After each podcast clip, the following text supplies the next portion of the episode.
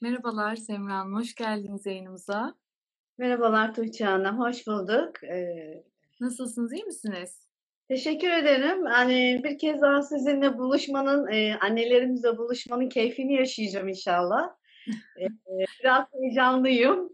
Teşekkür ee, ediyoruz. Biz de çok mutlu olduk. Ee, Semra Hanım'la daha önce yayın yapmıştık ve kendisiyle çok keyifli bir sohbet gerçekleştirmiştik. Bu nedenle kendisinden tekrar rica ettik yayınımıza katılmasını ve bize kırmadılar. Çok teşekkür ediyoruz katıldığınız için tekrardan. Bu arada e, annelerimize soralım görüntüde veya seste herhangi bir sorun var mı? Lütfen bize iletin. E, başlangıçta düzeltelim ve o şekilde ilerleyelim. Bu arada Semra Hanım siz de kendinizi bize tanıtırsanız tekrardan çok seviniriz.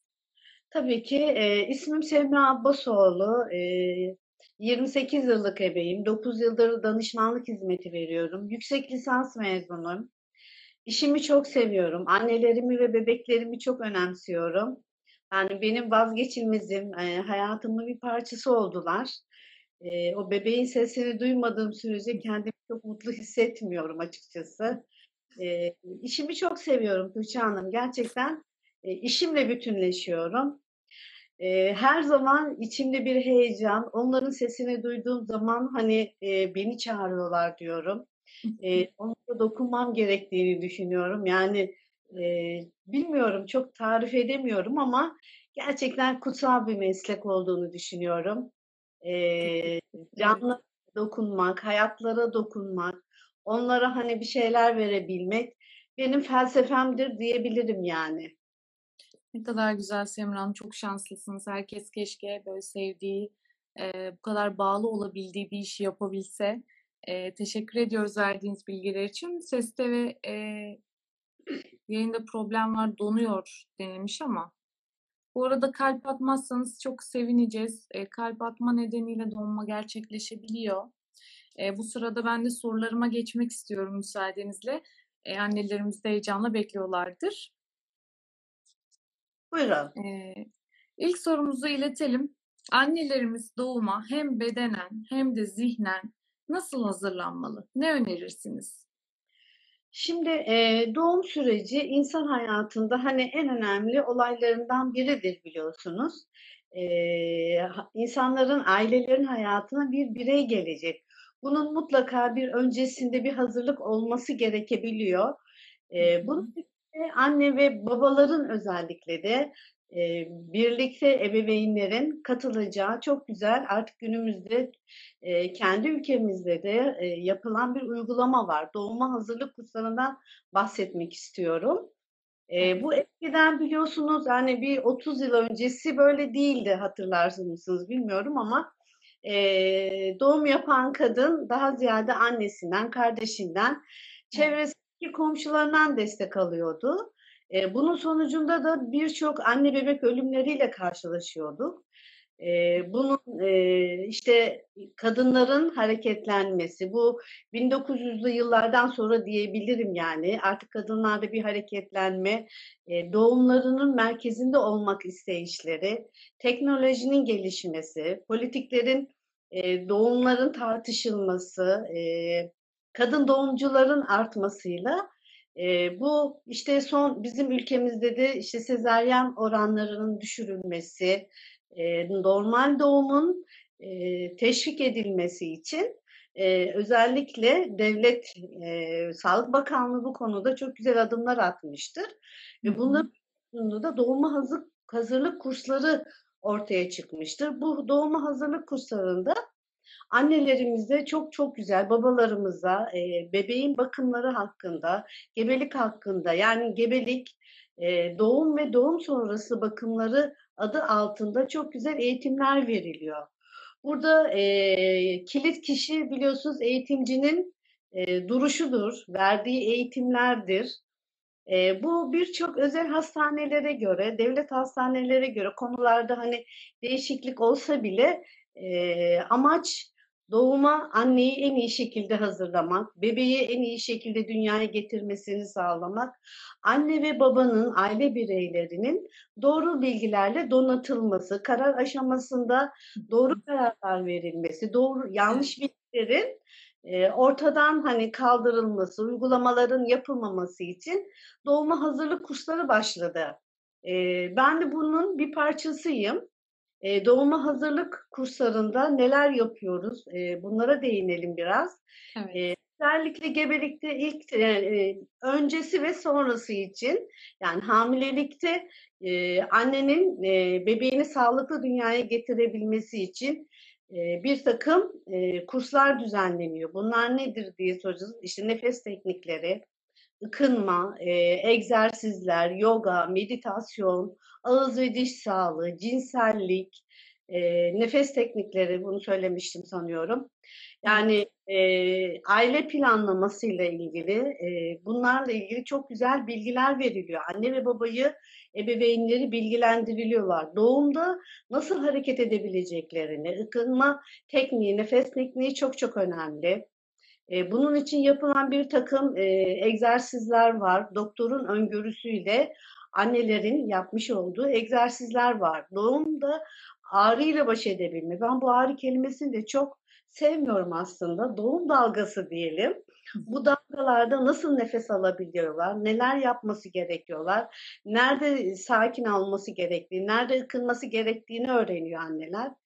Ee, özellikle ülkemizde karma bir felsefe uygulanıyor. Ee, Birçok felsefe var, duymuşsunuzdur sizler de. İşte Lamaze, Hypnobirthing e, gibi, Bradley gibi bir takım dünyada uygulanan felsefeler var. E, bu daha ziyade Avrupa ve Amerika'da mesela Lamaze e, e, şeyleri, yöntemlerini e, benimsiyorlar ama bizim ülkemizde daha çok karma bir sistem uygulanıyor. E, dediğim gibi e, doğal doğumu desteklemek için bebeğin gelişimi, dünyaya gelişi, bakımları, annenin sağlıklı bir e, hamilelik sürecini geliştirebilmesi için bu kurslar gerçekten çok önemli. Doğumdan önce aldığı eğitim, doğumda alacağı destek ile ne oluyor? Daha sağlıklı bir doğum gerçekleşiyor. Sadece burada bir konuya değinmek istiyorum. Ee, babaların da bu eğitime birlikte katılsalar dahi ben sadece bir öneri olarak bunu söyleyeceğim ama e, babalara yönelik de eğitimlerin artırılması düşüncesindeyim. Psikolojik açıdan, ruhsal açıdan e, babayı da hazırlamak gerekiyor. Babalara yönelik de e, eğitimlerin oluşturulması gerektiğini düşünüyorum. Genelde eğitimin odak noktası e, anne ve bebek. E, babalarımızın da burada biraz hani onlara yönelik eğitimlerin genişletilmesini düşünüyorum açıkçası ben şöyle bir şey yapıyorum, bunu da sizinle paylaşayım. Ben eğitimlerimde genelde doğumdan sonra özellikle, doğum öncesi de e, babaları alıyordum ama pandemi nedeniyle doğum hazırlık kurslarına biraz ara verdik biliyorsunuz. Ama doğumdan görüştüğüm e, annelerimle, buluştuğum annelerimle baba olmadan eğitim vermek istemiyorum. Ve kendilerine bunun nedenlerini açıkladığım zaman e, çok çok mutlu oluyorlar e, emzirmeyi destekliyorlar, anneyi destekliyorlar. Annenin dinlenmesi, yemesi, içmesi, bebeğin emzirilmesi, ten tene temas, e, aile bağlarının güçlendirilmesi ruhsal açıdan e, açıkçası çerçevenin içinde anne baba ve bebeği bulundurmaya, buluşturmaya çalışıyorum. Bunun için doğuma hazırlık kursları çok çok önemli. Tüm annelerimizin bu kurslardan faydalanmasını öneriyorum. Peki hocam teşekkür ediyoruz. Ee, bu sırada ben soruları da biraz kontrol etmek istiyorum. Ee, bu arada hocamızın doğum koçu ve emzirme danışmanı olduğunu, aynı zamanda e, ebe olduğunu da belirtmek istiyorum. Kendisi e, doktor değil, yani kadın doğum uzmanı değil. E, bununla ilgili gelen sorular görüyorum. E, bu nedenle onları iletemiyorum hocamıza. Bunu da belirtmiş olayım. E, evet. Mesela hocam bir soru gelmiş. Sezeryenden sonra süt gelmesi için öncesinde bir şey yapılabilir mi? Süt sağmak ya da süt yapan besinleri yemek gibi. Ee, doğum planlı bir doğumsa hani son haftalarda günlük e, 4 tane 5 tane hurma yemelerini tavsiye ederim. Ee, gelmesinde hurmanın çok büyük rolü var. E, turuncu gıdalar tüketmelerini öneririm. Nedir bu turuncu gıdalar?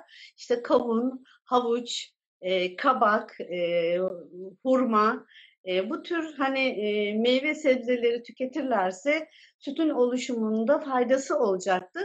En önemlisi de sıvı tüketimine dikkat etsinler. E, sezaryenden sonra ve bazı annelerim su içmeyi sevmiyorlar.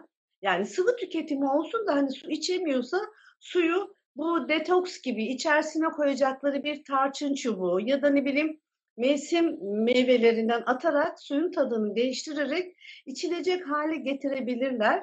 E, bunu tavsiye ederim. Yani sütün ham maddesi sıvıdır. Sıvı tüketimine dikkat etsinler. Bir de sezaryandan sonra mesela çok e, sıvı kaybı olduğu için tükettikleri, kaybettikleri bu sıvıyı mutlaka yerine koymayı ve üstüne de koymayı hedeflesinler. E, evet. Su yani tuvalete gitmemek için su içmeyen annelerimi biliyorum.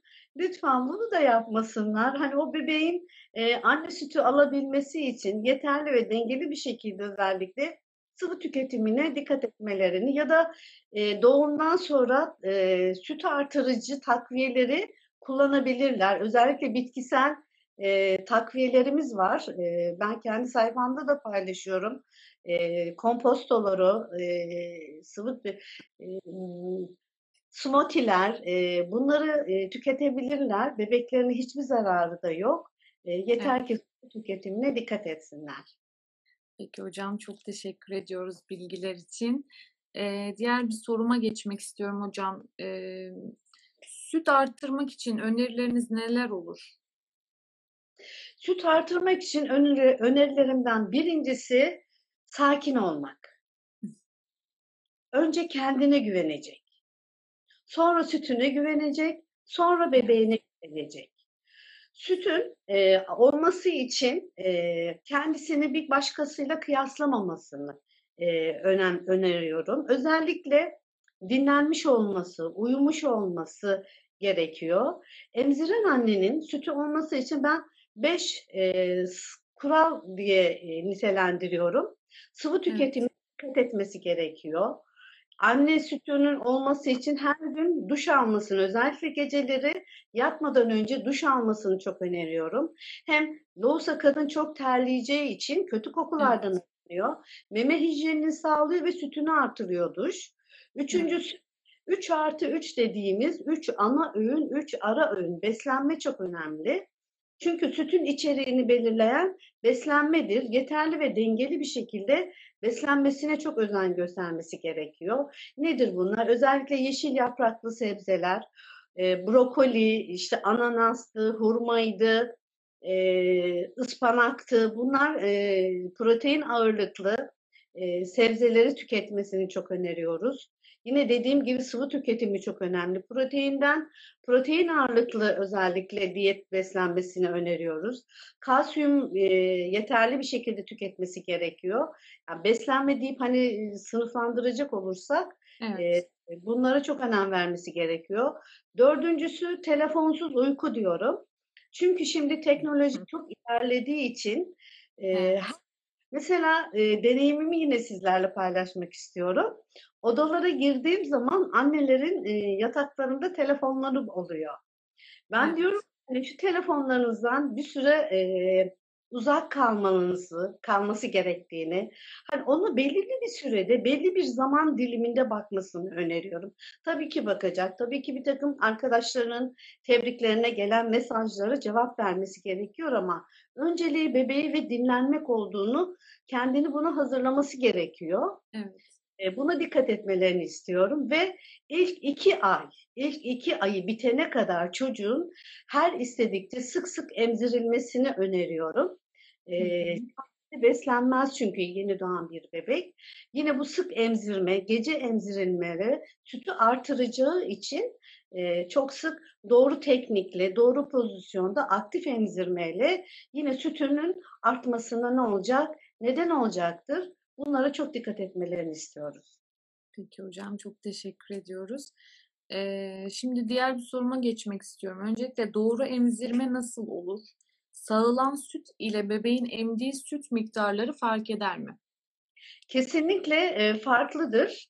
E, doğru emzirmede bir kere anne 90 derece dik, 10 derecede öne doğru gelerek yer çekiminden göğüslerin, memelerin faydalanması gerekiyor. Yani arkaya yatarak emzirme özellikle ilk yeni doğan ilk haftalarda e, anneler arkaya yatarak emziriyorlar ve bebeğe süt akışı çok az oluyor. İkincisi dik oturmaları e, ve ayaklarının altına bir basamak koyarak dizlerini yukarıya kaldırdıklarında bebeğin arkaya doğru düşmesini de engelleyecekler. Dolayısıyla bebek memeyi kahverengi kısmıyla kavrayacak. Yani çocuk arkaya doğru kaymayacağı için e, doğru bir teknikle emzirmiş olacak. Memeyi işte büyükçe tutun diyoruz. Kahverengi kısımdan, areoladan, alttan iki parmak, yukarıdan iki parmak, geriden büyük C'dir bu. Ve bebeğin çenesine değmemesi gerekiyor memeyi tuttukları. Hatta şöyle bir şey de yapabilirler. Serçe parmaklarının altta kendi kaburgalarını bulmasını sağlasınlar. Bu çok rahat bir şekilde çocuğun kavramasını sağlayacaktır. Çünkü annenin eli çocuğun çenesiyle memenin arasına girdiği zaman bebek yine meme ucunu kavrar. Bu nedenle doğru emzirme budur. Yani 90 derece dik, 10 derece öne gelerek 80 derece ve e, ayaklarının altına bir basamak koyarak büyükçe tutarak bebeği de ensesinden tutarak bu üç parmakları e, alt kulağının altında, orta işaret parmakları bebeğin başının tam ortasında, baş parmak da yukarıdaki kulağının altında. Yani şu pozisyonu sağlamaları gerekiyor özellikle.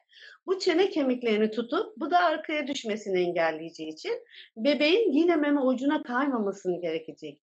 E, kaymamasını sağlayacaklar ve böylece bir emzirme olacak. İkinci sorunuz neydi? Ee, sağılan süt ve bebeğin emdiği süt fark evet. eder mi?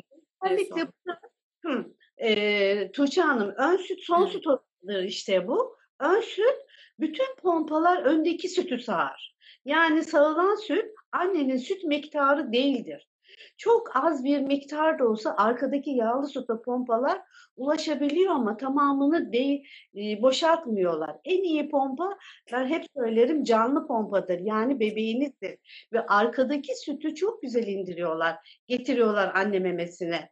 O yüzden diyorum ki lütfen sağdığınız zaman memenizin yumuşaması bu sütünüzün yok değil anlamına gelmiyor. Lütfen diyorum meme ucunuzda bir damla süt varsa bilin ki devamı vardır. O yüzden bir memeyi sağdıkları zaman, diğer memeyi emzirdikleri zaman sağdıkları memeye geçtiğinde bebek hangi sütü alacak Tuğçe Hanım? Arkadaki kıymetli bu e, kilo aldıran yağlı sütü alacaktır. Sık sık meme değiştirmemelerini rica ediyorum. Ve özellikle sağım yapmaktan bazı annelerin üşeniyor, yoruluyorlar, uygun, uykusuz kaldıkları için ve sağım erteliyorlar. İşte bu da yine süt artımının e, engellenmesidir açıkçası. E, sütün artması için, devamlılığının sağlanması için yani emzirme ve sağma bir disiplin ister Tuğçe Hanım. Bu disiplin uymak gerekiyor. Hani keyfe keder emzirme olmaz. Keyfe keder sağım olmaz. Hani şimdi oturayım canım istedi sağayım. Ya da şimdi bu memeyi sonra işte sağmaktansa diğer dolu mememi veririm. İşte karnı doyar ama çocuk ön sütü alıyor bu sefer. Ve arkadaki e, kıymetli dediğimiz yağlı sütü tabii ki ön süt de kıymetli. Burada yanlış anlaşılma olmasın ama sürekli ön sütü alan bir çocukta bir takım e, problemler doğuyor. Biliyorsunuz nedir bu problemler? Bir kere sürekli sık sık acıkıyorlar, mukuslu kaka yapıyorlar, kilo alamıyorlar. E, kolik bebek tanısı konulabiliniyor hatalı emzirdiği için. E, reflü gelişiyor çünkü ön süt çocuk gazlı süttür biraz, laktozlu süttür bu. Ve sürekli bu çocuk bu sütü aldığı zaman bu şikayetleri olacaktır ve bu e, annelerimiz hekimlerine de tabii e, hekimler bilmediği için sürekli annenin ön sütünü verdiğini, e, sütün yetmiyor, mama takviyesi yapacağız. Yeterli kütleyi almamış, mama takviyesi yapılacağız diyorlar.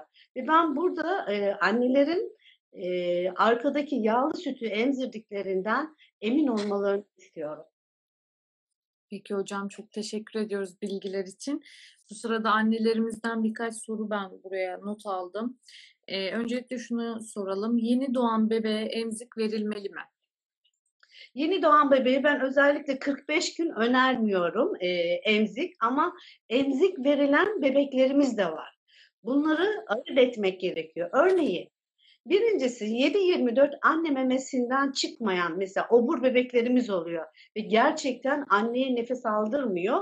Evet o çocuk yani emdikçe de kusuyorlar bir de. Bu çocuğa emzik verilir. Sindirimi rahatlatmak için. İkincisi çene kasları zayıfsa bu çocuğa emzik verilir ki çene kaslarını güçlensin diye.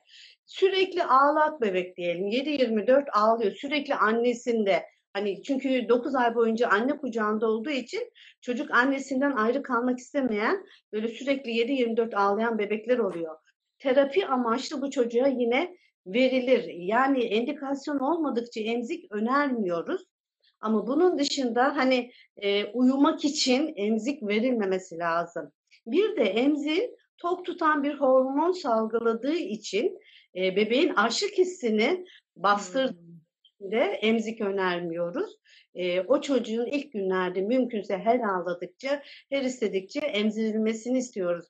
Tuğçe Hanım yeni doğan bebek çok acıkır. Neden diyeceksiniz? Mideleri misket kadar bilemediniz ceviz misket arasındadır ve bağırsaklar da kısa olduğu için anne sütünün sindirimi de kolay olduğu için sirkülasyon çok hızlı oluyor. Yani hızlı geçişler olduğu için çok sık kaka ve çiş yaparlar.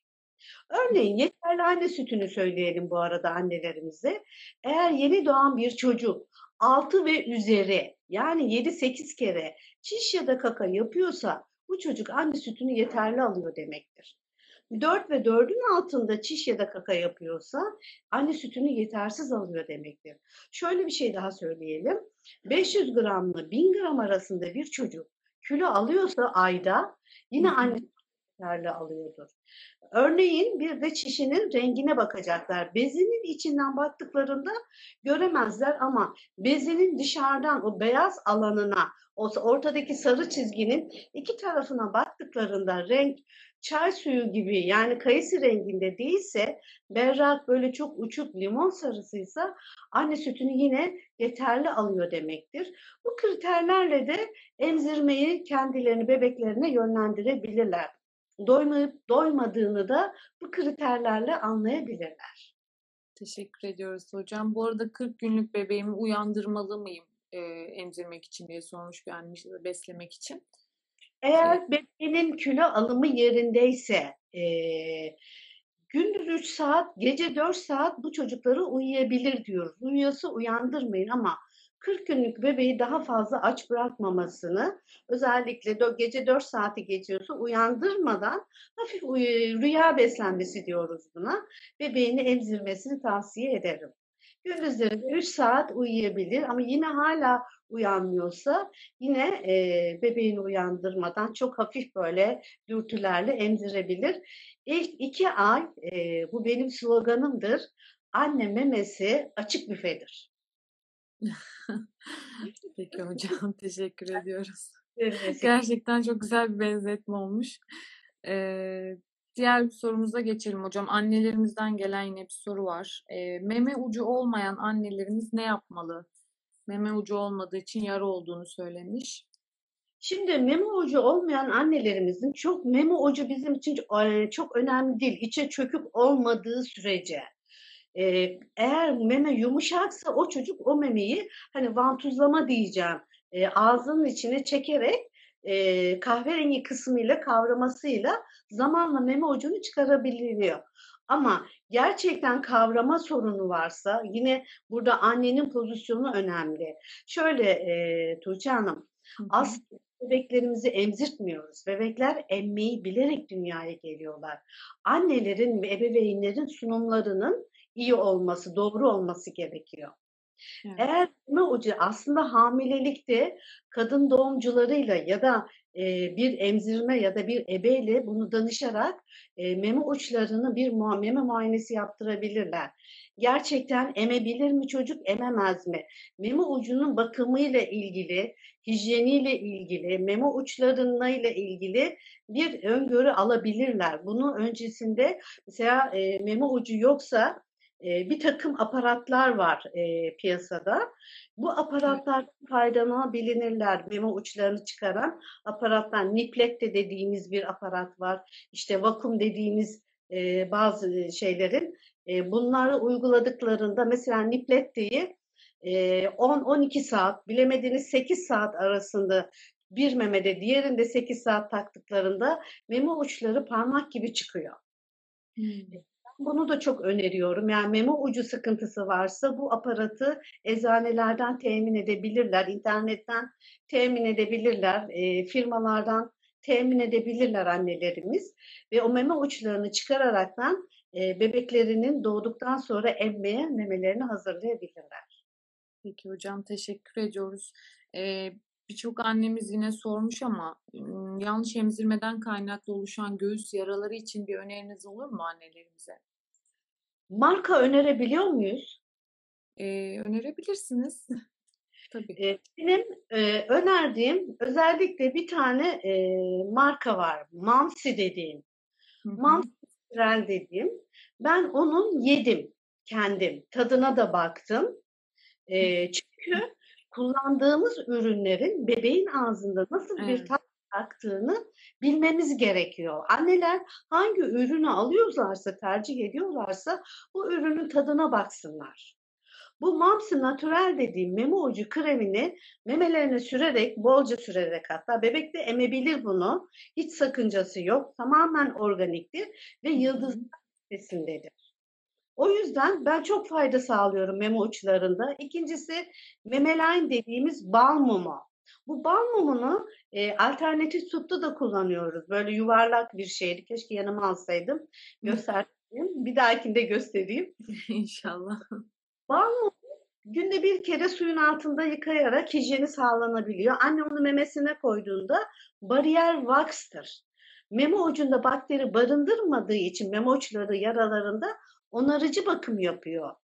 Ve kremi de sürdükten sonra memelerini çok güzel iyileştiriyorlar. Çok acıdığında hatta o bal mumunu bir 10 dakika buzdolabına koyduruyorum. Soğuk soğuk hmm. koyduklarında çok rahatlıyor annelerin memeleri. Ve göğüs kalkanları dediğimiz aparatlar var. Meme uçları evet. Kıyafetlerine değmiyor. Ve böylece onun ben o bal mumunu yuvarlak bir şeydir bu daire şeklindedir bal mumu göğüs kalkanlarının içine koyduğum zaman e, annenin memesini de içeri bastırmadığı için meme ucunu hani içine bir de bastırıp hani bal mumuyla yok etmeyelim diyorum. Onu göğüs kalkanının içine koyun meme ucu değsin. Ve böylece çünkü meme ucundaki yaralarda biliyorsunuz ne vardır? Bakteri vardır. Meme uçları da açık olduğu için o kanallardan içeriye bu bakteriler girdiği zaman hani meme dolu olmasa bile mastite yol açabiliyor. O bakteriler nedeniyle. Bu bal mumu, memeline e, ve göğüs kalkanı benim üçü de annelerimin kurtarıcısı olarak e, önerebiliriz. Hocam bütün eczanelerde satılır mı peki bu? Evet, her eczanelerde satılıyor. Bal mumu da, e, Mamsi Natural dediğimiz kremde, e, göğüs kalkanı da. internetten de alabilirler. Yani bu internette de var e, emin olun dua edeceklerdir bizlere. E, e, çünkü gerçekten e, benim meme uçlu yaralarında kullandığım ve tedavi sonuçlarında verim aldığım e, ürünlerdir. Yani garanti edebilirim bile diyebilirim yani. E, önerebiliriz. Peki hocam teşekkür ediyoruz. E, markaları son bir kez tekrar etmenizi rica edeceğiz. Annelerimiz çok rica etmişler. Mamsi Natural meme ucu kremi, Memeline bal mumu ve göğüs kalkanı. Bu işte e, Avent'inde var, e, V'nin var, Lansinov'un da var. Yani göğüs kalkanının delikli olması, e, içinde aparatı olanı, kapağı olanı evde kullanıyoruz. Boş olanını sütyenlerinin içinde kullanıyorlar. Evet. Teşekkür ediyoruz hocam. Bir annemiz isyan etmiş. Açtığımdan beri meme konusu var diyerekten. E, biz doğum konusuna şöyle bir dönüş yapalım. Sonra tekrar meme konusuna dönüş yapalım. E, doğum belirtileri kendisini nasıl gösterir hocam? Annelerimiz e, hangi belirtide ben doğum yapıyorum şu anda diyebilir? Şimdi özellikle sancıların düzenli gelmiş olması gerekiyor. Yani yalancı doğum ağrısı mı, gerçek doğum ağrısı mı diye bunu ayırt etmemiz gerekiyor. Özellikle gittiği hekim ona e, söyler zaten şu haftada e, bekleniyor, şu ta, hafta öncesi ve sonrası olabilir diye. Çünkü doktoru onu e, vajinal muayene ettiğinde e, rahim ağzının yumuşaklığından hatta bazılarının e, bir parmak açık der de hekimler ya da işte incelmiş bayağı der. E, bu özellikle bazı annelerimizde kasıklardan ağrı gelir. Bazı annelerimizin belden ağrıları gelebilir. Özellikle nişan dediğimiz sümüksü ağrısı böyle pembe hafif e, kanlı olabiliyor. Kimisinde yani bu kişiden kişiye değişir. Kimisinde e, suyu gelir öncesinde. Hemen panik olmasınlar. Hemen e, şey şaşkın olmasınlar diyeceğim. Yani e, gele etmesinler. Çok açık renk yani canlı bir kırmızı kanamaları yani fazla bir kanama olmadığı sürece hatta hatta böyle azar azar suyu geldiklerinde e, sakin olsunlar ama foşur foşur kanama oluyorsa hiç beklemeden acil e, hastaneye gitmeleri gerekiyor. Yine gelen suyun rengi çok önemli bizim için. E, yeşil e, bir su geliyorsa bebek anne karnında kaka yapmış demektir. Yine burada e, acele etmesi gerekiyor. Bir an önce hastaneye gitmesi gerekiyor. Çünkü bebeğin bunu yutma riski vardır. Evet. E, bunun için biraz dikkat etmeleri gerekiyor. Yani kısaca ağrılarıyla e, zaten anlarlar 8. aydan sonra bebek kanala iniyor. Aşağıya indiği için bebek aşağıda oluyor. Ve onun e, kendisini belli eden hareketleri vardır e, basınçtan dolayı. Çok sık idrara gitme gibi işte dediğim gibi ağrılarıyla e, bebek hareketlerinde yine e, azalma varsa yine bir an önce hastaneye gitmesinde fayda var. Peki hocam teşekkür ediyoruz. Ee, diğer sorumuz hocam perine masajı nedir ve ne işe yarar, nasıl uygulanır? Bunu annelerimize anlatabilir misiniz? Tabii ki perine masajı 36. haftadan sonra doktorun yine öngörüsüyle, kararıyla uygulayabilirler. Bunun için perine masajı doğum yolunun esnetilmesi demektir. Gevşetilmesi, esnemesini sağlamak, elastikiyetini sağlamaktır. Özellikle annelerin el hijyeni çok önemli burada. Tırnaklarını kesmesi gerekiyor e, ve elini çok iyi yıkaması gerekiyor. E, bunun için özel e, sıvı jeller de var ama evde bir zeytinyağıyla, badem yağıyla, hindistan yağıyla da bunu yapabilirler. Özellikle U şeklinde dediğimiz örneğin saat 3 6-9 hizasında saat gibi düşünecek olursa aşağıdan yukarı, yukarıdan aşağı şeklinde yani sağdan sola, soldan sağa şeklinde 3-6-9 hizasında makatana doğru hafif basınç yapmak demektir. Bu perine masajı budur. Haftada iki kere e, öngörüyoruz açıkçası. Sürekli değil. Yine 5 dakika sürelerle bu perine masajı özellikle bu alt taban kaslarının güçlendirilmesini, esnemesini ve sıkmasıyla yani Kegel egzersizlerinin bir değişiğidir aslında bu. E, idrar kaçırmamak için e, ister doğumda ister menopozdaki bir kadına hekimlerimiz her zaman bu Kegel egzersizini bizlerde öneriyoruz. E, çok faydası var gerçekten. Oturduğunuz yerde kendiniz bile yapabiliyorsunuz. Bunu dışarıdan hiç kimseye yansıtmadan alt taban kaslarınızı kesip e, sıkıp yavaş yavaş bırakmak budur. İşte e, birden ona kadar, ondan e, bire kadar geri sayarak bu şekilde bu sayıları gitgide artırarak taban kaslarının güçlendirilmesi, perine masajının 36. haftadan sonra haftada iki kere beşer dakika bu şeklinde e, makata doğru esnetmek demektir. Peki hocam teşekkür ediyoruz bilgiler için. Ee, kontrol edelim. Bir annemiz e, yine soru sormuş. Bebeğim 28 günlük. Memede en fazla 5 ya da 10 dakika duruyor. E, normal mi diye sormuş. Kaç günlük dediniz? 28 günlük. 28 günlük bebek e, eğer şimdi bu da e, emme süreleri bebeğe göre değişir Tuğçe Hanım. Nasıl değişir diyeceksiniz. Pasif emme, aktif emme işte orta e, şeyde bebeğin açlık seviyelerine göre de değişebilir. Bu annemizin emzirme sıklığı önemli. Düzenli bir emzirme sıklığı var mı yok mu? Bunu bilmemiz gerekiyor. Ve e, açlık tokluğu çocuğun önemlidir. Ayrıca sütün miktarı önemlidir. E, bir de bebeğin kasları ne kadar güçlü. Yani bunlar değişkendir yani ama şöyle bir standardımız vardır. En az 20 dakika, en uzun 40 dakikada bir bebek doyar diyoruz. E, bunu doyup doymadığını yine e, yayınımızın başında da söylediğim gibi çişiyle, e, kakasıyla da annemiz bunu değerlendirebilir. 40 günlük çocuğun artık yani gündüz 3 saat, gece 4 saat aralıklarla kilo alımı yerindeyse bu süreleri beklemesini tavsiye edebiliriz. Yani acıkmasını acıktığı zaman da kaliteli bir emme yapacaktır. Ama saat başı 2 saatte bir emziriyorsa o çocuk acıkmamış olabiliyor. Annemiz bunlara dikkat etse. Peki hocam teşekkür ediyoruz cevap için. Ee, bu arada çok önemli olduğunu düşündüğüm bir sorun var size hocam. Sütü kesilmiş bir annemizin çabaladığında tekrar sütü gelir mi? Kesinlikle gelir. Bu tamamen yüzde elli psikolojiktir bir sütün artışı. Yüzde elli de yeme içmeyle alakalıdır. Yani fiziksel e, yediği içtiğiyle ala, alakalıdır. Özellikle eğer anne memesinde bir damla süt varsa bilsin ki devamı var. Dediğim gibi başında da söylemiştim. Önce kendisine güvenmesi lazım. Dinlenme, istirahat, uyku bunlar çok önemli. Sütüne güvensin ve bu beş kural bahsetmiştim. Neydi? Sıvı tüketimi, beslenme, banyo, uyku ve açık büfe demiştik. Bunların e, ve takviyelerle. Bu arada annelerimize söyleyebiliriz. Rekolak diye bir süt artırıcım vardır benim. Süt artırıcılarında mesela bunu kullanmalarını öneririm.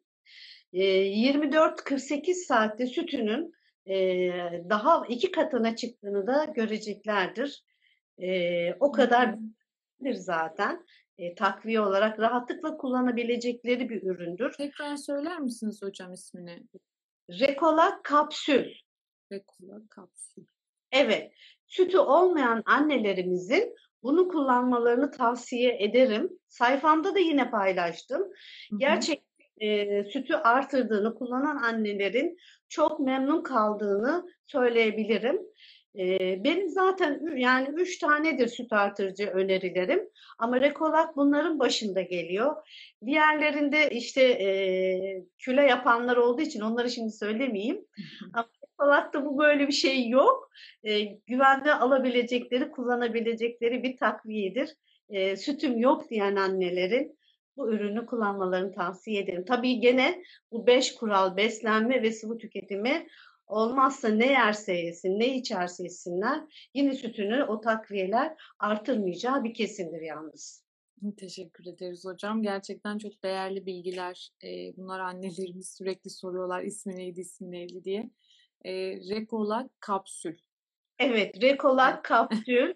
Yine internete yazdıklarında ya da işte Rekolak diye yazdıklarında sayfa Instagram'da sayfaları da çıkıyor. Ee, kendilerine kesinlikle yardımcı olacaklarını düşünüyorum. Teşekkür ediyoruz hocam. Bu arada yeni gelen annelerimiz için şunu söylemek istiyorum. Yayını kaydedeceğiz. Hani eski konulara tekrar dönemiyoruz yayın akışımız gereği. Ee, bunun dışında COVID aşısı ile ilgili sorular geliyor hocam. COVID aşısı ile ilgili e, şöyle söyleyeyim e, önceki hafta sanırım ya da iki hafta önce bir yayın gerçekleştirdik. E, Doktor Ali Bey ile Ali İkiz'le. Bu yayını tekrar izleyebilirsiniz e, annelerimiz. Bunu da söylemiş olalım ama kendisi hem e, gebe annelerimize hem emziren annelerimize aşıyı önermişti. Siz de tekrar evet. yayını izleyebilirsiniz. E, aşıyla ilgili hocam sizin söylemek istediğiniz bir şey varsa onu da alabiliriz ek olarak. Kesinlikle e, ben e, aşı olmayan annelerden kendimi korumaya çalışıyorum. E, her ne kadar e, hiç dışarı çıkmadıklarını, alışverişe dahi gitmediklerini e, söyleseler de koruyuculukları olmadığı için e, endişeleniyoruz. E, ben kendim dört tane aşı oldum. İki Sinovac, iki BioNTech, e, dört kez aşı olduğum halde aşı olmadan olmayanlardan açıkçası korkuyorum. Her ne kadar bağışıklığım, antikorum yükselmiş olsa da Onların adına da korkuyorum. Eee, çünkü artık onlar 2 canlı diyoruz biz hatta. Bir evlatları var, yavruları var. Onlar da risk olduğu için, risk altında oldukları için, eee, bebeklerimiz de COVID olarak gelebiliyorlar bize. Solunum yollarında, eee, sıkıntılar oluyor. Akciğerlerinde sıkıntı oluyor. Eee, bu tamamen kişisel bir karar da olsa, hani, bir kendi özgürlükleri, baskı, hani, olarak algılamasınlar ama kendi sağlıkları için, bebek sağlıkları için Dünya Sağlık Örgütü de, eee, yine otoriterlerimiz, hocalarımız, eee, gebelerde bu aralar çok fazla kayıplar, eee, duyuyoruz basında da zaten. Eee, bir an önce doğumunu bekliyorlar. Bebeklerinden endişelendikleri için doğumdan sonra olmayı, eee, hedefliyorlar ama hamilelikte de, eee, daha fazla ağır geçirebiliyorlar. Eee, o yüzden hamileyken de emzirirken de çok rahatlıkla, eee, aşılarını olup emzirebilirler. Eee, önerim budur. Peki hocam, teşekkür ediyoruz bilgi için. Eee, bu sırada diğer sorumuza da geçelim. Mastit hocam neden olur ve nasıl iyileştirilir? Bunu da annelerimize söylemiş olalım. Mastit, yine başa dönüyoruz biraz ama dediğim gibi emzirme ve sağma bir disiplin ister demiştik. Eee, genelde sağımdan sıkılıyor annelerimiz. Gerçekten sürekli nereye kadar sağacağım? Ben artık çok sıkıldım, bıktım sağmaktan diye çok dert yanan annelerimiz oluyor ama dediğim gibi bıkmasınlar. Genelde ilk 3 ay, eee, sağım yaptırıyoruz. Eee, çünkü ilk 3 aya kadar memelerin ikisini de çocuklar boşaltamıyorlar. E, boşaltamayan bir memede de süt azlığı gelişiyor.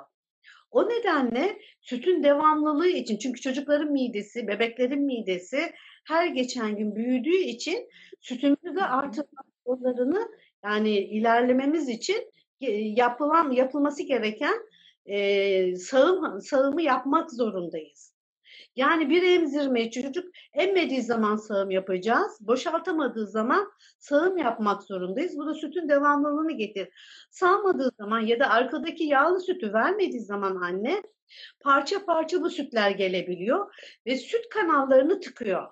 Ve bu süt aşağıya doğru akışını, drenajı sağlayamadığı için içeride bu sefer fındık gibi sertlikler, misket gibi sertlikler oluşuyor ve gitgide sertlikler büyüyüp kisleşiyor.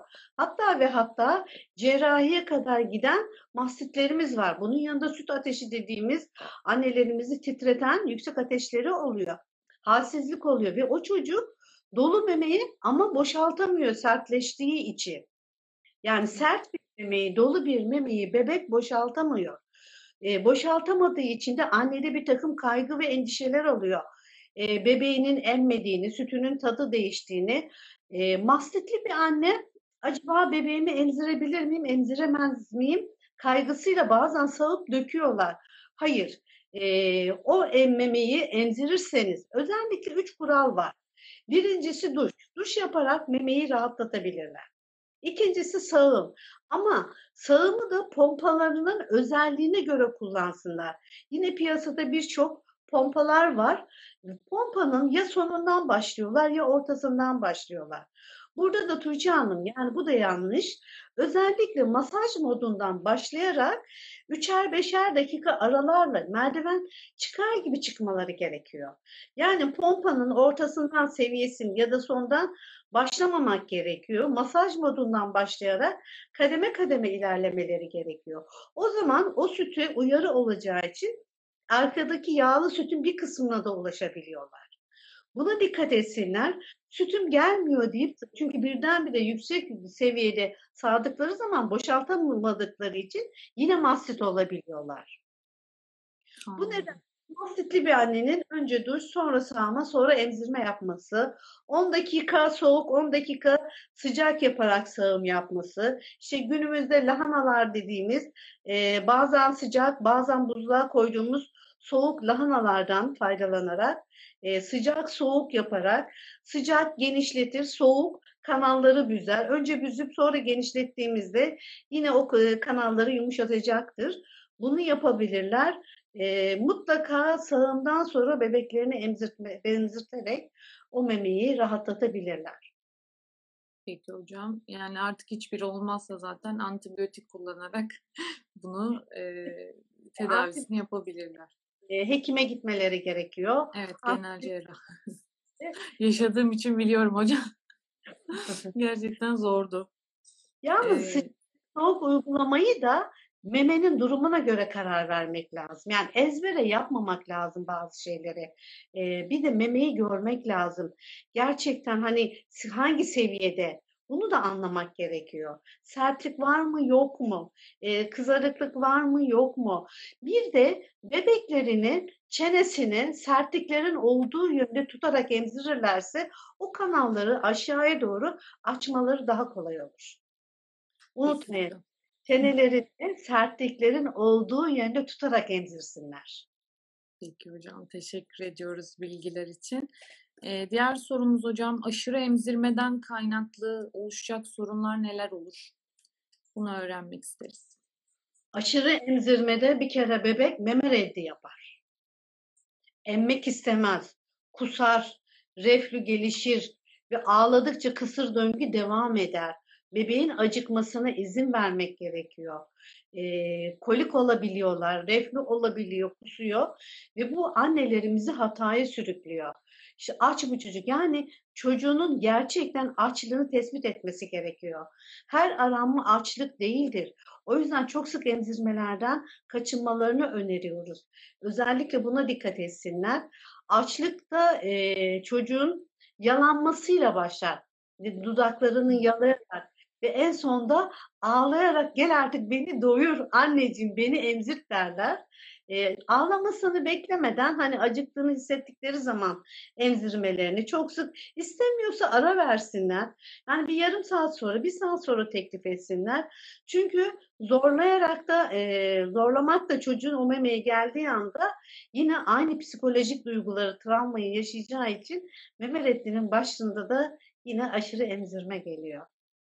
Peki hocam, teşekkür ediyoruz eee, bilgiler için. Peki bir anne eee, sütünün bebeğine yettiğini nasıl anlar? Yani benim çocuğum doydu. Bunu nasıl söyler? Şimdi bu eee, yine eğitimin başında aslında bundan bahsetmiştik. Neydi? Yeterli beslenmede çocuğunun kirli bez sayısını hesap etsin. Hı hı. Yalnız çocuklar büyüdükçe iki emme arası uzar, emme süreleri kısalır ve kirli bez sayısı da düşer. Yani ilk aylardaki sık sık eee, kaka çiş yapması, işte sık sık emzirilmesi ve açlık hissi uzayacak. Buna dikkat etsinler. Ayına göre eee, bebeğinin açlık ve tokluk hissini ayarlamaları gerekiyor. Yani bir düzen oturtmaları gerekiyor. E, Dediğim biraz önce dediğimiz gibi aşırı emzirme yapmamaları gerekiyor. İşte çişinin renginden, e, idrarının koyu renk yapması yine bebeğin e, yetersiz beslenmesiydi hatırlarsanız. Yine ayda minimum 500, maksimum 1000 gram arasında inişler çıkışlar olur. Bazı aylar e, 600, bir öbür ay 700, öbür ay 500 inişler çıkışlar olabilir ama dediğim gibi bebeğin bez sayısı ve rengi miktarıyla, e, ağırlığıyla bezinin yine ne yapabilirler? Yeterli beslenip beslenmediğini anlayabilirler. Sadece yine söylüyorum, annelerimiz ne kendilerini ne bebeklerini, çocuklarını başka çocuklarla, başka annelerle lütfen kendilerini e, kıyaslamasınlar. Genetik yapı da burada çok önemli çünkü. Yani milyon bir annenin babanın çocuğu daha farklı bir gelişim gösterecektir. Ee, daha hani fiziksel olarak boylu postlu, hani kilolu bir anne ve babanın çocuğu daha farklı bir gelişim gösterecektir. Bu genetik yapı da çok önemlidir. Yani bir standardı bunu en iyisi zaten yine hekimine danışanarak, doktoruyla e, düzenli aralıklarla, muayeneleriyle de tespit edebilirler. Peki hocam, teşekkür ediyoruz bilgiler için. Bir soru gördüm az önce hocam. Ne kadar süre anne sütü almalı bebek diye sormuş bir annemiz ve eee, emzirmenin yanında su vermek de gerekir mi çocuğa? Annelerimiz özellikle yazın eee, su vermeli miyim diye endişeye kapılabiliyorlar. Bununla ilgili ne söylemek istersiniz? Şimdi e, bakanlığımızın da önergesiyle e, iki yaş ve ötesi deniliyor emzirmenin süreci olarak. Ama burada emzirmenin annenin niyeti önemlidir. E, bebeğin emme potansiyeli önemlidir. E, biliyorsunuz annenin üç rakibi vardır diyorum. Emzirmek isteyen annelerin birincisi biberon, ikincisi emzik, üçüncüsü mamadır. Ama üçüncü sırada mama onu öcü olarak göstermiyoruz. Gerçekten hani mamaya ihtiyacı olan bir bebekse, bir çocuksa mama verilmeli.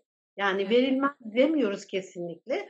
Anne sütü yeterliyse ve kilo alımı yerindeyse gerçekten burada anne sütü yeterli, kilo alımı da iyi. Ama bazı anneler boşu boşuna hani böyle kaygı ve endişeleriyle e, kaynaklanan bir hani mama verme, daha çok besleme çocuğu, aşırı emzirme, aşırı mama verme e, eğiliminde olabiliyorlar. Bu biraz önceki saydığım kriterlere dikkat etsinler. E, mamayı vermeden önce bir iyi bir düşünsünler. Bir emzirme danışmanıyla ya da gerçekten ihtiyacı varsa doktorunun öngörüsüyle, hekimin öngörüsüyle başlasınlar. Emzik kullanımını zaten bahsetmiştim. Gerekiyorsa versinler. Bu meme reddinin nedenlerinden birisidir. Yine biberon da aynı şekilde. Hiçbir biberon anne memesine benzemez. Bunu unutmayın. Çünkü anne memesi kadar yumuşak değildir. Anne memesi kadar e, anne memesi biberon kadar büyük değildir ve çocuklarda meme başı kaosu yaşıyorlar. Meme ucu şaşkınlığı yaşıyorlar. Ha, biberon verilmesi gereken bebekler de oluyordu. Neydi onlar hatırlarsanız? Yetersiz anne sütünde çocuğun çene kasları zayıfsa güçlensin diye prematüre bebekler aynı şekilde biberon yine verilir. Yani endikasyona göre karar vermek gerekiyor. Yani ezbere hani e, biberonu denemesinler, tavsiye etmiyoruz. Kaşık biberona geçsinler. E, bunun dışında e, başkanız bir şey daha sormuştunuz. E, hocam su vermek gerekir mi em, emen bebeğe ve aynı zamanda mama içen bebek için de geçerli. Yani mama Evet. veya e, emen bebek için soralım bu soruyu. İlk ayda 6 ay e, su İlk- vermek gerekir mi? İlk 6 ay sadece anne sütüyle besleniyorsa su vermeye gerek yok. Çünkü anne sütünün üçte ikisi sudur. Ama mama veriliyorsa yine doktorun e, kararıyla e, suyla takviye edilebilir. Ben bu yaz sıcaklarında dedim hatta annelere çok aşırı sıcak var. Çünkü anneler de terliyor su kaybı, bebekler de terliyor su kaybı. Eğer idrarında koyuluk varsa işte bir tatlı kaşığı kadar, iki tatlı kaşığı kadar hani su verebilirsiniz dedim. Yani gerek mi? Bunun karı yine dediğim gibi bunun kararını da bebeğe göre karar vermek lazım. Yani hiçbir şeye ezbere körü körüne hani buna su vermek gerekir diyemeyiz. E, susuz kalmaması için e, bebeğin e, kilosu, ayı, günü bunlar çok önemli faktörlerdir karar vermek için. İlk 6 ay sadece anne sütü yeterliyse anne sütü yeterli su dahi vermiyoruz. Önermiyoruz. Ama çocuğun beslenmesinde sıkıntılar varsa ve mama veriliyorsa o çocuğa e, bir miktar su verebiliriz. Peki hocam teşekkür ediyoruz bilgi için. Bu arada e, çok fazla meme reddinden bahsettiniz ama e, bütün nedenleriyle söyleyelim. Meme reddi neden olur ve nasıl bir çözüm önerirsiniz bununla ilgili? Şimdi özellikle meme reddinde e, daha ziyade e, öncelikle sakin olmak gerekiyor. Meme reddinde. Yani o çocuğun e, bir sakinleştirmek gerekiyor. Meme reddinin nedenleri anne sütünün miktarı olabilir. Yine bu ön süt son süt olayı olabilir. E, bunun dışında e, bebeğin hani ya emmezse deyip hani aşırı emzirme yaptığında hani e, kaygı ve endişeler yine çocuğun meme reddine sebeptir. Yani çocuğu memeye aldığı zaman anneyle göz göze gelir bebek. Annenin endişe ve kaygıları varsa bu çocuğa da geçer. Yine anne burada ne yapar? Emziremez.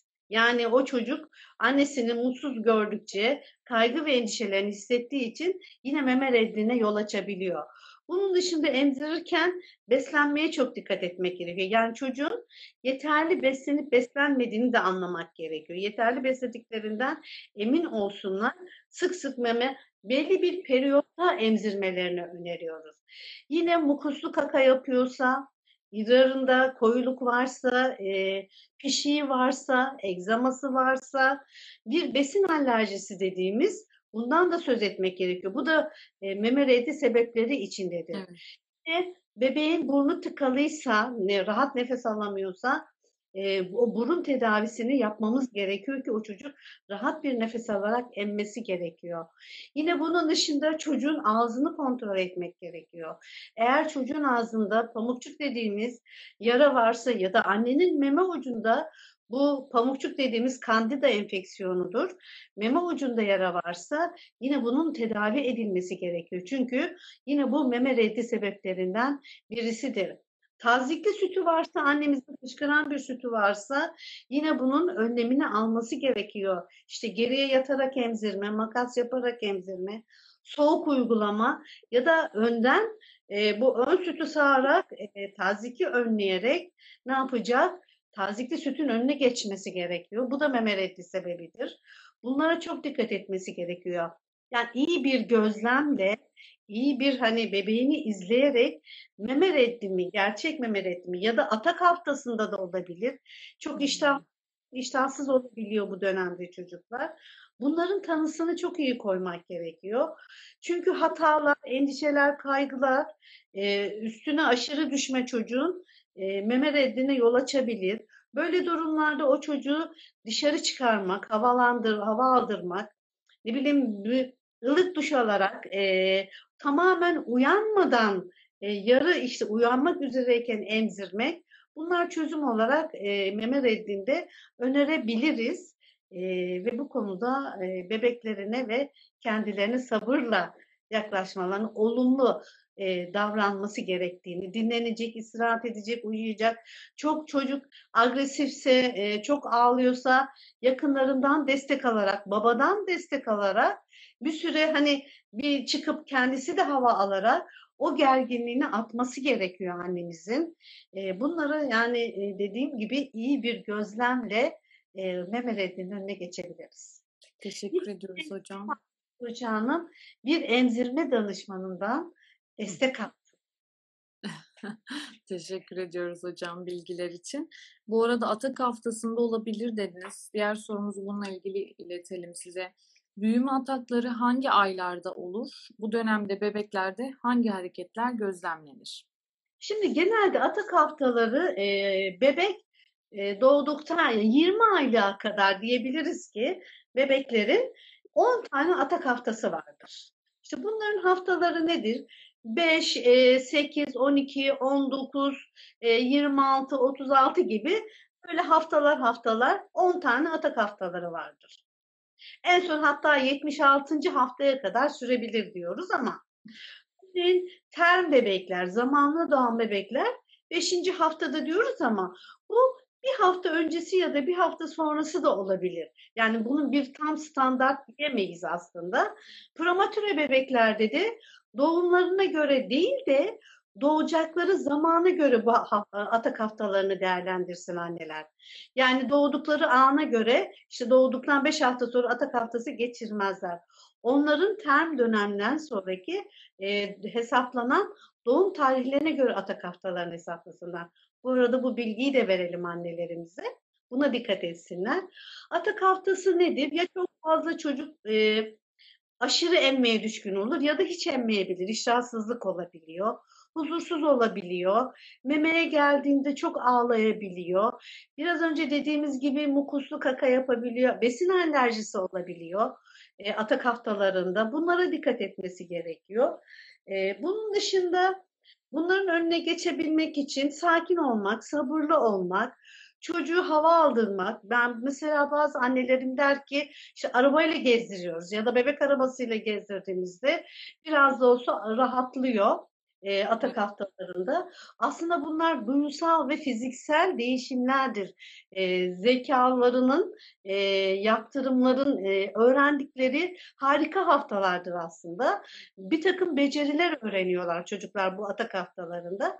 Bu becerilerini e, üstüne koyabilir anneler. Yani hangi konuya hani e, daha fazla beceri sağlıyorsa bunlarla ilgili ayına göre, haftasına göre çocuğun e, oyun oynayabilirler e, sakinleşmesi için.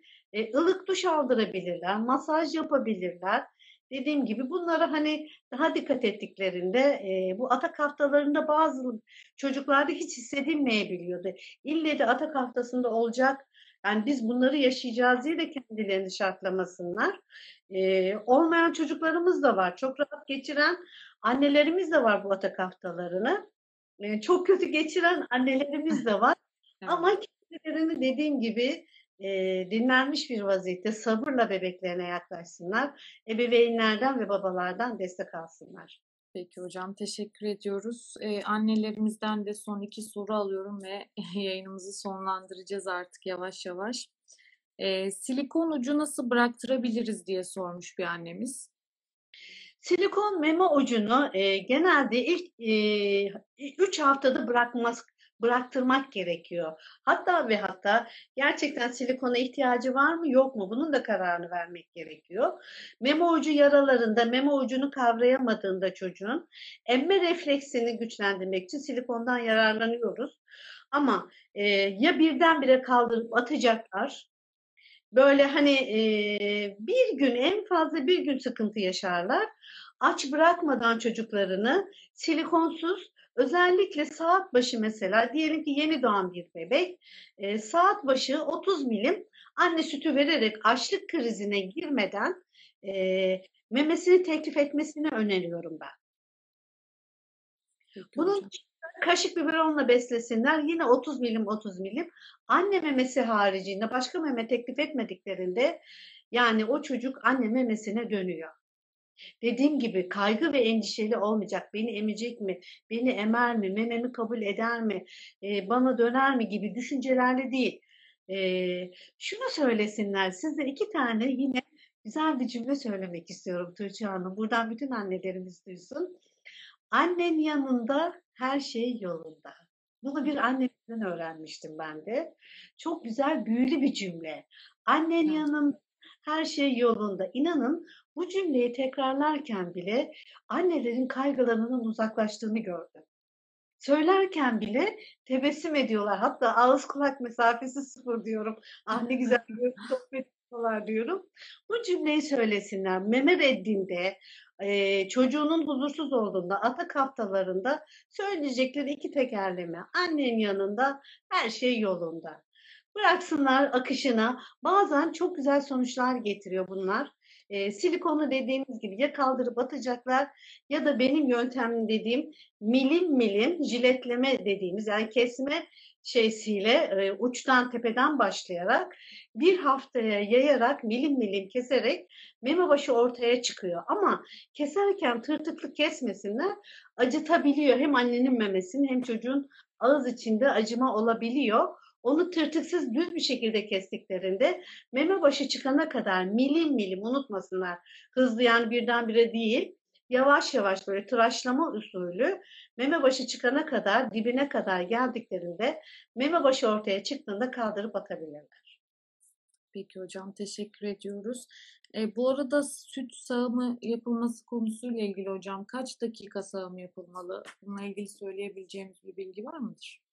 En az 20 dakika, en uzun 40 dakika sağım yapabilirler ama hani 15. dakikadan sonra süt gelmiyorsa da memeyi tahriş etmemek gerekiyor. Meme ucunu tahriş etmeyelim. E, akışı kontrol etsinler. E, buna baksınlar. Çok güzel süt sağma pompaları var. Mochi dediğimiz mesela bir manuel pompa var. Anne emzirirken diğerine taktığı zaman hem sütü artırıyor hem de acısız sağım yapabiliyor. Bunu kullanabilirler. Ya da işte e, aldıkları ürünün dediğim gibi çok fazla e, şey var, isim var, marka var.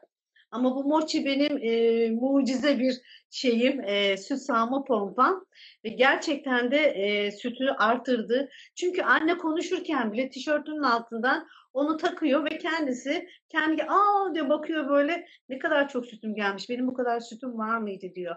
Hem de elektrikliyle zorlamadan meme ucu yara olan annelerimize bunu da manueli de e, önerebiliriz. En az 20, en uzun 40 dakika sağım yapabilirler ama sağımın tekniği lütfen en az 3'er 5'er dakika aralarla merdiven çıkar gibi kademe kademe gitsinler. Birisi sağımdır, birisi vakum gücüdür. O vakum gücü, çekme gücünü de yine kendilerine göre ayarlayabilirler. Çünkü herkesin ağrı eşiği farklıdır.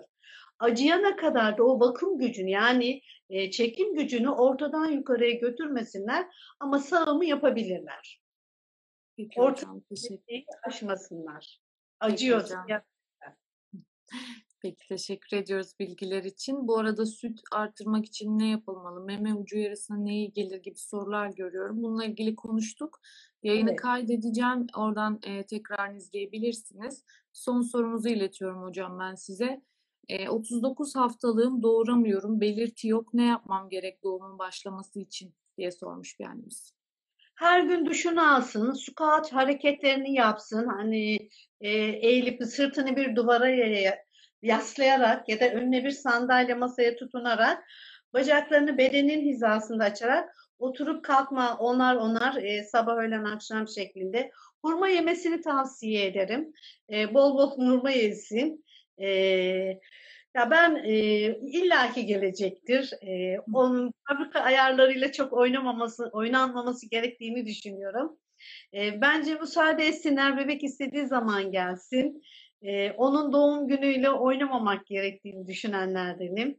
Doğal doğumu destekleyenlerdenim. E, sezaryen indikasyonu yoksa hiç panik olmasın, hiç acele etmesin. Uykusuna istirahat etsin, sabah akşam yürüyüşlerini yapsın. Birer saat tempolu, temposuz e, yürüyüşünü yapsın. E, dediğim gibi biraz da duş alarak e, şey yapabilir. E, gelişine e, şey yapabilir. Yani Yardımcı, destek yardımcı olabilir. evet. Peki Buna dikkat hocam, yayınımıza katıldığınız için çok teşekkür ediyoruz. Annelerimiz için yine faydalı bir yayın daha yaptığımızı düşünüyorum sizinle birlikte. Söylemek istediğiniz son bir şey var mıdır? Ben özellikle size teşekkür etmek istiyorum. Ee, sizinle e, olmak zevkliydi, annelerimizle olmak zevkliydi. Gerçekten çok faydalı yayınlar yapıyorsunuz. Hani sizi yakından takip ediyorum. Ee, iyi ki varsınız diyorum. Yayınınızı aldığınız için çok teşekkür ediyorum. Benim kıymetli kısaca bunu söyleyebilirim. Biz teşekkür ediyoruz hocam yayınımıza katıldığınız için, e, bizi kırmadığınız için. E, tekrar sizinle beraber annelerimizi bilgilendirdiğimiz için çok teşekkür ediyoruz sizlere. E, canımız annelerimize de tekrar görüşmek dileğiyle diyoruz ve hoşçakalın. İyi akşamlar. İyi akşamlar.